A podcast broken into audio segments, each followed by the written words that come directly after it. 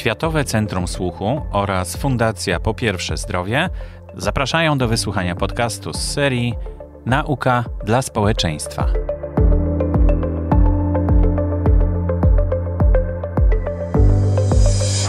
Gościem odcinka jest profesor doktor habilitowany nauk medycznych i nauk o zdrowiu, magister zarządzania Piotr Henryk Skarżyński. Pełni funkcję dyrektora do spraw nauki i rozwoju w Instytucie Narządów Zmysłów, zastępcy kierownika Zakładu Teleaudiologii i Badań Przesiewowych w Instytucie Fizjologii i Patologii Słuchu oraz asystenta dydaktycznego na Warszawskim Uniwersytecie Medycznym. Jest specjalistą otolaryngologiem, otolaryngologiem dziecięcym oraz audiologiem i foniatrą. Wyrazem jego aktywności naukowej jest realizacja kilkudziesięciu krajowych i międzynarodowych projektów badawczych, aktywne uczestnictwo w ponad 1800 konferencjach i warsztatach oraz autorstwo lub współautorstwo ponad 980 publikacji. Koordynuje i zarządza krajowymi i międzynarodowymi projektami związanymi z telemedycyną, e-zdrowiem, w tym telekonsultacjami, telerehabilitacją i zdalnym ustawieniem systemów implantów słuchowych w krajach Europy, Azji i Afryki. Koordynuje także wieloaspektową procedurę zdalnego dopasowania systemów implantów słuchowych we współpracy z oddziałami krajowymi i zagranicą. Jest również członkiem grupy badawczej Krajowej Sieci Teleaudiologii. Przy mikrofonie Borys Kozielski, witam serdecznie. Zapraszam do wysłuchania kolejnej audycji z cyklu Po pierwsze zdrowie. Dziś do mikrofonu udało mi się zaprosić pana profesora Piotra Skarżyńskiego. Dzień dobry. Dzień dobry panie redaktorze, witam państwa serdecznie. Będziemy rozmawiać o następstwach zakażeniem SARS-CoV-2 w otolaryngologii i audiologii. Wszyscy cierpimy na e, koronawirusa, który od e, już ponad roku niszczy społeczeństwo, jeśli tak można powiedzieć. A jednym z efektów y, są no, wady słuchu i też jakieś uszkodzenia tego słuchu. Szumy uszne, prawda? To, to coraz częściej, y, dopiero teraz się dowiadujemy po roku, że takie mogą być efekty. Oprócz tego, że niektórzy tracą węch i smak, właściwie to chyba jest taki objaw potwierdzający, że to jest koronawirus, że to było zakażenie koronawirusem, to teraz dochodzą nowe objawy pochorobowe, które, które wiążemy z tym wirusem.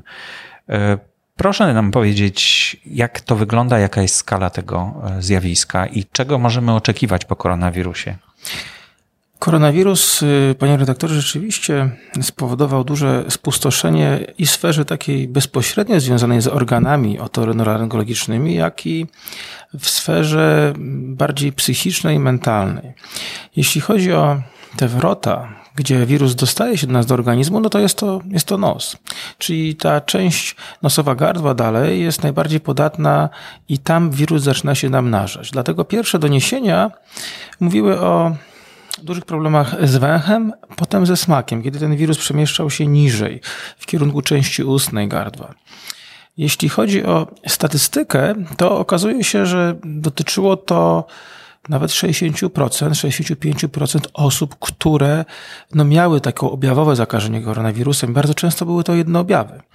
Okazuje się, że w Europie i w Ameryce Północnej, Południowej występowało to e, dużo częściej niż w Azji. Niektórzy mm, myślą, że jest to spowodowane dietą, ostrymi potrawami i innymi rzeczami, które mogły mieć wpływ, ale nie zostało to udowodnione naukowo. Więc w Azji tych zmian jest, było mniej.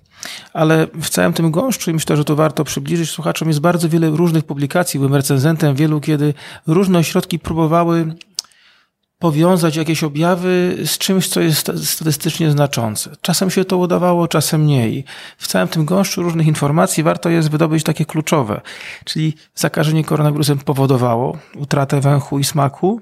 Ta utrata jest prawie zawsze odwracalna, niemniej jednak u niektórych osób powrót zajmuje wiele miesięcy. Czyli ona sama się cofa, tak? Cofa się. Y, początkowo były ogromne obawy z tym związane, z tego względu, że e, komórki węchowe, nerw węchowy jakby filogenetycznie mówiąc, jest nerwem starym, to znaczy, że bardzo łatwo jest go zepsuć, kolokwialnie rzecz ujmując.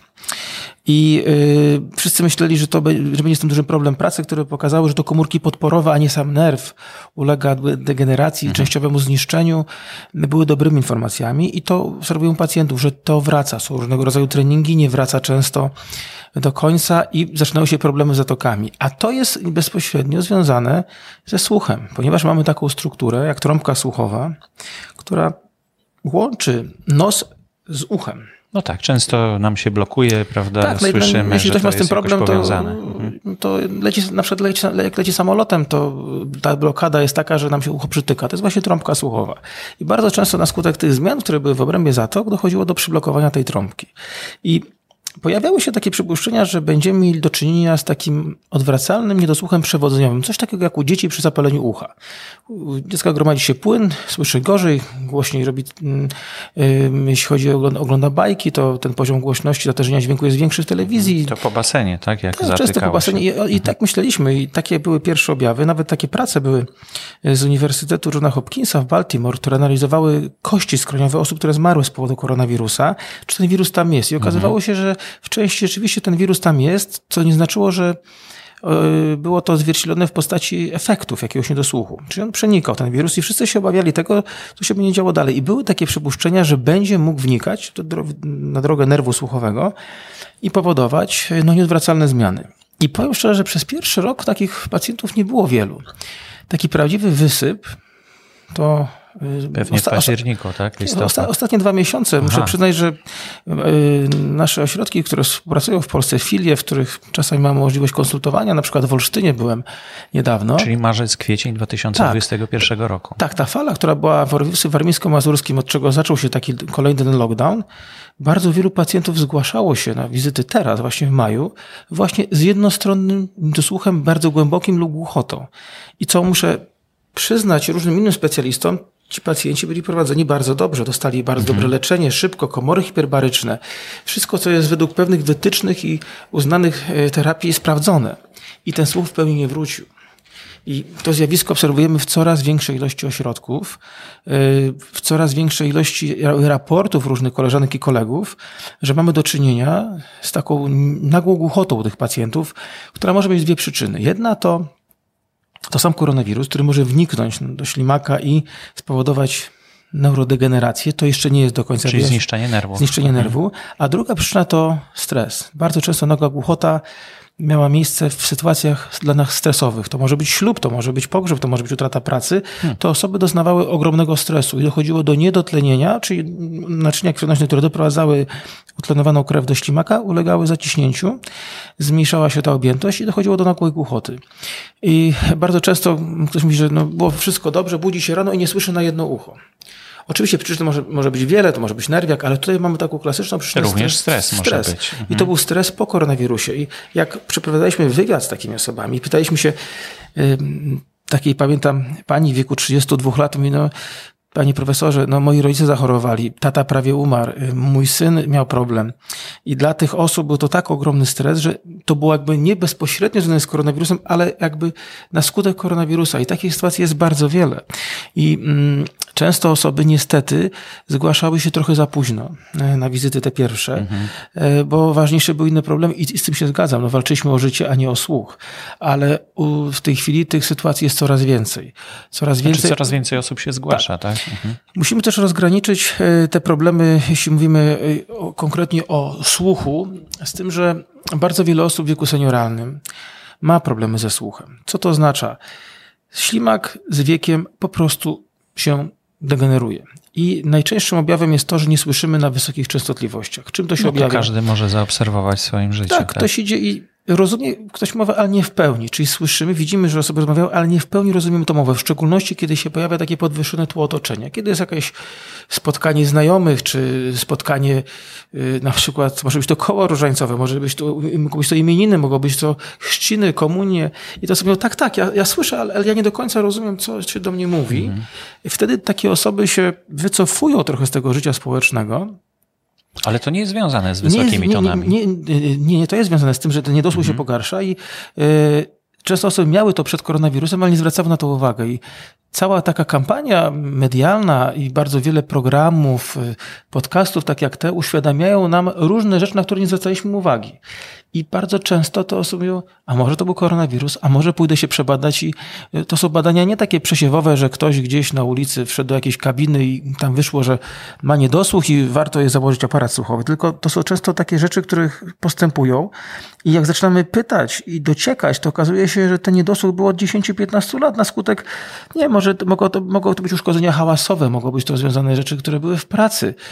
Mogło to być na przykład ugryzienie kleszcza, który powoduje, że zaczynają się robić szumuszne. Tych sytuacji jest bardzo wiele, czyli całe spektrum diagnostyczne uległo poszerzeniu. Osoby zdecydowanie bardziej zwracały uwagę na różne rzeczy. Mhm. Przenieśmy się teraz, jeśli chodzi o dzieci bardzo wielu rodziców zaczęło zwracać uwagę na alergię, bo objawy były podobne do koronawirusa. I mama czy tata na pytanie, a czy syn na przykład w kwietniu nie miał podobnych objawów takich alergicznych, że było zaczerwienienie na policzkach, jakiś katar siedny. A rzeczywiście tak było.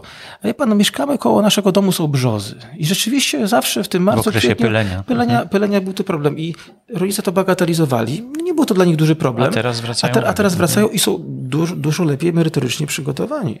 I, I, rozmowa jest na innym poziomie. Mówimy, czy farmakoterapia, czy, czy odczulanie. Y, analizujemy, czy nie ma przerostu migdałka gardłowego. Na przykład zwracają uwagę, czy dziecko nie ma otwartych ust, czy nie robi głośniej y, bajek w telewizji, czy nie krzyczy, czy nie chrapie w nocy. Dużo bacznie patrzymy i bardzo często te rzeczy są powiązane, ale nie bezpośrednio z koronawirusem. Mhm. Jesteśmy bardziej wyczuleni. Pacjenci dużo szybciej się zgłaszają. Więc myślę, że taki, taki efekt może być osiągnięty. No niemniej jednak w zakresie y, zatok, czyli y, tego miejsca, gdzie koronawirus wnika, te powikłania, ten wygląd w ogóle śluzówki jest, y, jest taki bardzo charakterystyczny. Czyli zatoki to jest drugie miejsce, bo drugie, trąbka to jest... Trąbka mhm. jest od zatoki idzie do, do ucha Aha. środkowego, ona łączy... Czyli poprzez zatoki. Tak, zatoki. Tak, poprzez zatoki. Mhm. Bardzo często e, osoby, które miały jakiś nieżyt e, błony śluzowej nosa, jakieś problemy z zatokami, takie uczucie spływania wydzieliny po tylnej ścianie gardła czasami, czasami taki rano objaw, że musiało odciągnąć wydzieliny, jakieś bóle promieniujące, to się zintensyfikowało, ponieważ sam charakter błony śluzowej i tego wszystkiego, co mamy w, w obrębie zatok, zmienił się. Ten obieg wymiany jakby błony śluzowej jest dużo mniejszy to miejsce jest bardziej podatne na gromadzenie się innych bakterii, innych y, y, drobnoustroi, które mogą powodować przewlekłe problemy. Y, cała seria analiz, która jest teraz prowadzona, jest też pod kątem głosu i krtani. Czy to, że ta mhm. wydzielina nam spływa, nie powoduje, że mamy problem z głosem, że tworzy, może się tworzyć obrzęk strun głosowych. Y, tu jest bardzo dużo różnych opinii. Y, często osoby, które są specjalistami, obserwują zwiększoną jakby mm, objętość strun głosowych, fałdów. Taki, to jest taki obrzęk, który może być pochodzenia refluksowego też, może być związany z wysiłkiem głosowym. Mówimy teraz często głośniej. Mamy maseczki, powietrze jest bardziej suche, mamy te gardła przesuszone. Dotyczy to często osób pracujących głosem zawodowo, do dziennikarzy, nauczycieli, kiedy musi być większy wysiłek głosowy i wtedy tworzy się nam normalny obrzęk mm -hmm. związany po prostu ze zużyciem tego organu. Dlatego czasami, mm, kiedy przedstawiamy mm, taką opcję, że trzeba powietrze nawilżać, dbać, żeby szczególnie w okresie, kiedy zaczyna się sezon grzewczy, to nawilżenie w pokoju było dobre, żeby jak jesteśmy w pomieszczeniu klimatyzowanym, to żebyśmy wakacje potem nie byli w tym pomieszczeniu klimatyzowanym, żebyśmy zadbali o nawilżenie, żeby były różnego rodzaju półkanki, nawilżacze, że to takie, no nie, nie jakieś leczenie bardzo profesjonalne, ale to jest niezwykle istotne i, i, i zmienia bardzo, bardzo dużo. Więc cała zmiana funkcjonowania i jakby przystosowania się do nowych warunków może wymusić cały szereg nowego mhm. takiego podejścia do y, diagnozowania, leczenia i rehabilitacji osób z takimi zaburzeniami. Mhm. Panie profesorze, a czy są jakieś badania, które są celowane w kierunku jak gdyby skutku, że, że to, y, co, z czymś zgłasza się pacjent, y, wtedy mamy pewność, że to jest związane z COVID-em, z koronawirusem? W ramach naszej działalności prowadzimy diagnostykę węchu i smaku u osób, które miały koronawirusa i patrzymy, jakie będą wyniki rozróżnienia na przykład natężenia jakiegoś zapachu, czy natężenia smaku, czy w ogóle ten smak jest jakby w pełni zdolny. Bardzo często mamy jakieś dysproporcje. Co to oznacza? Że pacjent z 10 smaków rozpoznaje 8. Albo intensywność odczuwania zapachu jest mniejsza niż średnio statystycznie rzecz biorąc. I analizujemy to nie po to, żeby wyciągnąć średnio, bo to nie jest takie proste w tej chwili wyciągnąć pewną normę, ale możemy stosować terapię olejkami eterycznymi, pobudzaniem tego organu. Czyli trenować. Trenować mhm. i patrzymy, czy to przynosi efekt. I, I, mamy taką skalę, gdzie możemy powiedzieć, widzi pan, przed, przed treningiem było tyle, a teraz jest tyle.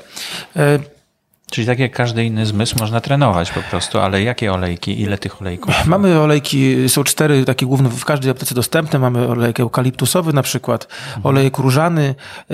Są mm, zalecenia, żeby stosować dwa razy dziennie po 15-20 minut wąchanie każdego z nich z odpowiednimi przerwami. E, natomiast do każdego pacjenta, do każdej osoby trzeba podejść indywidualnie. Co to oznacza? Trzeba przeanalizować, czy to będzie efektywne, czy tam nie ma po prostu przewlekłego zapalenia zatok, czy nie mamy wydzieliny, polipów i tym się nie powinniśmy najpierw Czyli zająć. wykluczyć te tak. pozostałe objawy, tak? I wtedy na przykład możemy ich tak, proszę trenować, ale to nie przyniesie pełnego efektu, bo trzeba na przykład zastosować inhalację ze sterydami, które mm -hmm, powodują mm -hmm. obkurczenie błony śluzowej, obkurczenie tkanek i usunięcie tego przy pomocy na przykład takich butelek, gdzie do jednej dziurki nalewamy sobie tą sól, y, ona może być izotoniczna, hipertoniczna, a drugą y, dziurką wylatuje. Y, przy każdym z tych, każdej z tych metod są pewne wskazania, są przeciwwskazania i trzeba to dostosować, żeby na przykład osoba z dużymi infekcjami zatok, która zacznie sobie płukać nos, nie wprowadziła sobie tego płynu do ucha, bo wtedy będzie jeszcze gorzej. Mhm. I, i, mm, I te sytuacje nie są jednoznaczne. To są badania celowane, wiele ośrodków prowadzi w tym zakresie pracy, yy, prowadzi analizy, prowadzi jak to wygląda i yy, szuka jakichś statystyk, które pozwolą wyciągnąć wnioski, które będą do zastosowania na szerszym polu. Nie tylko naukowym, ale tak naprawdę klinicznym Jeśli chodzi o badania słuchu, to to, co jest prowadzone, to staramy się przeanalizować, czy nie będzie takiej sytuacji, jaka jest po zapaleniu opon mózgowo-rdzeniowych. To jest taka y, choroba, która jeśli chodzi o naszą specjalność, y, odzwierciedla się tym, że często dochodzi do zarastania ślimaka, czyli w ślimaku zarasta kość i potem nie możemy już niczego mhm. zrobić. Nie możemy szczepić implantu, bo nie będziemy niego mieli jak włożyć. A jak włożymy, to ta stymulacja może być nieefektywna. I to jest coś, czego powiem szczerze, obawiam się. Nie mam jeszcze jednoznacznej opinii, ale wszczepiliśmy implanty już pacjentom, którzy nagle głuchi i niestety y, w tym ślimaku dochodziło do zarastania tkanki. Wszędzie udało nam się wszczepić ten implant. Efekty tej stymulacji są. Natomiast zobaczymy, jak będzie dalej. I obawiam się, że takich pacjentów może być bardzo wielu, którzy mhm. będą się z tym borykali i nie do końca będzie to dla nich główny problem. Najczęstszym problemem są jednak problemy oddechowe i te osoby traktują to jako rzecz najważniejszą no tak. i z tym się zgadzam. To jest no bo jak nie można oddychać, to... To inne rzeczy nie mają tak, takiego oczywiście, ale y, pierwszym objawem, no tutaj jak nagłe, nagła utrata słuchu jest, no to, to nie ma pierwszych objawów, tylko od razu jest, jest, utrata słuchu, tak? Tak, jak jest nagła utrata słuchu, pacjent w ciągu pierwszego dnia, maksymalnie drugiego, powinien zgłosić się do szpitala i zacząć przyjmować dożylne leki sterydowe w dosyć dużych dawkach. Bardzo często lekarze mniej doświadczeni obawiają się, czy to nie spowoduje Y, na przykład osób, którzy są chorzy na cukrzycę lub na naciśnienie, zmian ogólnie, mhm. jeśli chodzi o organizm. No i tutaj trzeba mieć takiego pacjenta pod kontrolą. Natomiast te efekty leczenia są naprawdę dobre. I e, to nie jest tak, że każdemu go wyleczymy, ale to jest podstawowe leczenie. Do tego dochodzi, dochodzą komory hiperbaryczne, które były wyłączone na jakiś czas użytkowania. W tej chwili e, te komory funkcjonują według mojej wiedzy w różnych miejscach, które powodują, że jakby to utlenowana, ten tlen dociera w większym stężeniu i mamy szansę jakby spowodować, że e, to minie. Prowadzimy badania też z podawaniem leków miejscowych, kiedy podajemy leki do jamy bębenkowej, u niektórych pacjentów te niki są bardzo dobre, u niektórych mniej, więc tych terapii jest wiele i tak naprawdę to, co możemy powiedzieć, że w sumie w Polsce pacjenci mają dostęp do wszystkich tych najnowocześniejszych terapii. I to też często w ramach Narodowego Funduszu Zdrowia. To nie mhm. jest jakaś enklawa, gdzie z tego nie można skorzystać. I pod tym względem rzeczywiście udało się zrobić wiele. To nie znaczy, że wszystko potem będzie funkcjonowało idealnie. U niektórych osób no, będzie musiał dostać aparat słuchowy, albo będzie trzeba myśleć o implancie jakimś słuchowym i dla tych osób jest to szok, bo coś będą musieli nosić cały czas częściowo. Najczęściej na początku jest szok, a potem same te osoby już chcą z czegoś korzystać i e, widzą z tego korzyść po prostu. I badania, które były prowadzone od lat 70.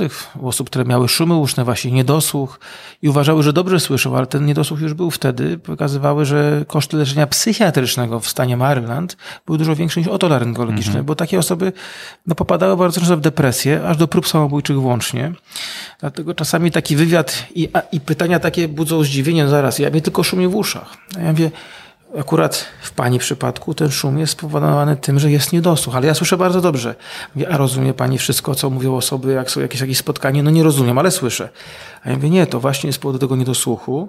Ma Pani szumy. Bardzo często są to dźwięki z wnętrza organizmu od stawów skroniowo-żuchwowych, jak się stresujemy, możemy zaciskać mm -hmm, i mhm, krążek mm -hmm. może być uległ zwyrodnieniu do zmiany w obrębie tętnic, jeśli ktoś ma blaszki miażdżycowe, do kręgosłupa szyjnego, który może być też w jakiś sposób uszkodzony lub może być zwyrodnienie. Tych przyczyn jest bardzo wiele i to takie holistyczne podejście pacjentów y, plus COVID, który powoduje jakby intensyfikację tych objawów, budzi mm, takie duże wyzwanie, w szczególności dla młodych specjalistów, którzy y, bardzo często są mm, dedykowani jakby jednej dziedzinie.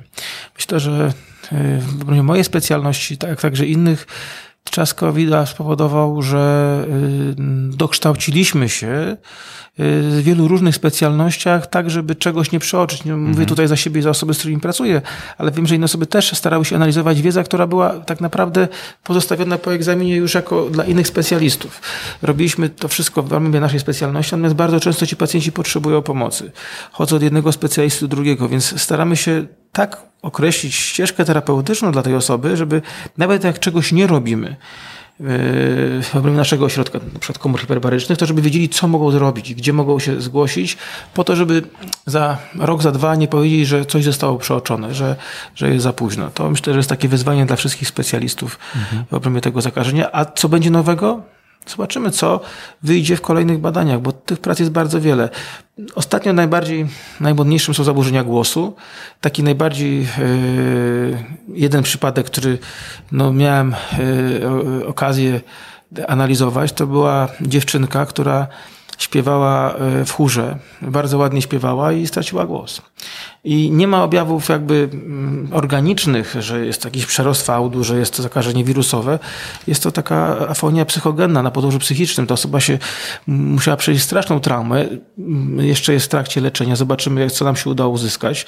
Staramy się jej pomóc wszystkimi dostępnymi metodami, ale to też są takie połączenia tego, co no tak. możemy być. I, i, ale rokowania są dobre chyba, bo to nie jest uszkodzony żaden narząd. Tak, mhm. rokowa, roko, rokowania, rokowania są dobre i yy, warto jest yy, się zaangażować w taką e, terapię takiej osoby, żeby wiedzieć, co możemy zrobić i co możemy poprawić. Mhm. E, panie profesorze, no to chyba najbliższe lata to będziemy wszystko, wszystkie objawy, jakie pojawią się chorobowe u człowieka, będziemy kojarzyć z koronawirusem, tak? który przeszliśmy albo łagodnie, albo w ogóle nie zauważyliśmy, że przeszliśmy, albo przechodziliśmy. I czy ze szczepionkami też możemy wiązać jakieś z tych objawów? Jeśli chodzi o szczepienia, to przyznam, że e, jestem osobą, która myślę, że dlatego zakażenie koronawirusem przyszedłem bezobjawowo, bo przeciwciała w badaniach miałem, ale e, nie, nie miałem objawów i takich osób jest wiele. Szczepiłem się na wszystko, co było możliwe ze względu na charakter pracy. To, przed czym przestrzegam i co czasami się zdarza, to to, abyśmy się nie szczepili, kiedy się źle czujemy. Jeśli spotkałem kiedyś jakiś objaw e, uboczny szczepionki, a było to niezwykle rzadko, no to były to nałożone, tak? nałożone sytuacje, kiedy mhm. nie była do końca wyleczona infekcja. Ktoś nie chciał powiedzieć, że się, że się go do końca źle czuje. Czasem nie chcę wnikać w sytuację, ale generalnie praktycznie każdy ten był z tym, że osoba, jakaś tam sytuacja była. Dlatego bardzo polecam, aby jednak nie lekceważyć sytuacji związanych z chorobami przewlekłymi, z osłabieniem stanu odporności, aby no, nie traktować szczepienia jako wyjście na spotkanie towarzyskie, tylko mhm. ten dzień przed być w pełni sił, odpocząć, wyspać się, wtedy y, minimalizujemy szanse na to, że coś nam się stanie. Oczywiście tego się nigdy nie da wykluczyć. Natomiast y, warto jest, żeby także po szczepieniu ten jeden, dwa dni przygotować się, czy w ramach urlopu, czy, y, czy w tak ułożonej pracy, żeby to było w domu, żeby, żeby dać organizmowi szansę na to, żeby był gotowy i żeby przyjął tą szczepionkę w taki sposób, mhm. żeby zareagował. I tutaj myślę, że czasami tak się, tak, tak się może zdarzyć. Nie odpowiadam za wszystko, ale mm, słuchając różnych rozmów na spotkaniach online, takich lekarskich, to takie sytuacje miały miejsce, że e, chcieliśmy się zaszczepić i bardzo dobrze, był ku temu pęd i czasami się mogło to zdarzyć, że był ktoś nie do końca doleczony, czasem o tym nie wiedział. Ale nie lekceważmy jakiejkolwiek infekcji przy szczepieniu. Natomiast jeśli chodzi o szczepienia, to liczę, że dzięki tym szczepieniom e, no, nasza odporność wzrośnie Spodziewam się pewnie, że będzie jeszcze jedna dawka. Takie są moje osobiste przekonania, że pewnie jak no będzie ileś tak. mutacji, to jakaś jeszcze jedna dawka będzie, żebyśmy się y, lepiej y, jakby dostosowali. Nikt tego do końca nie wie, czy y, jak będzie z kolejną falą i z innymi sytuacjami, które mogą mieć miejsce. Natomiast jeśli jest taka możliwość, to trzeba z tych osiągnięć wiedzy i nauki korzystać, bo to jest tylko dla naszego dobra. Oczywiście. Profesor Piotr Skarżyński był moim gościem. Dziękuję bardzo. Dziękuję bardzo.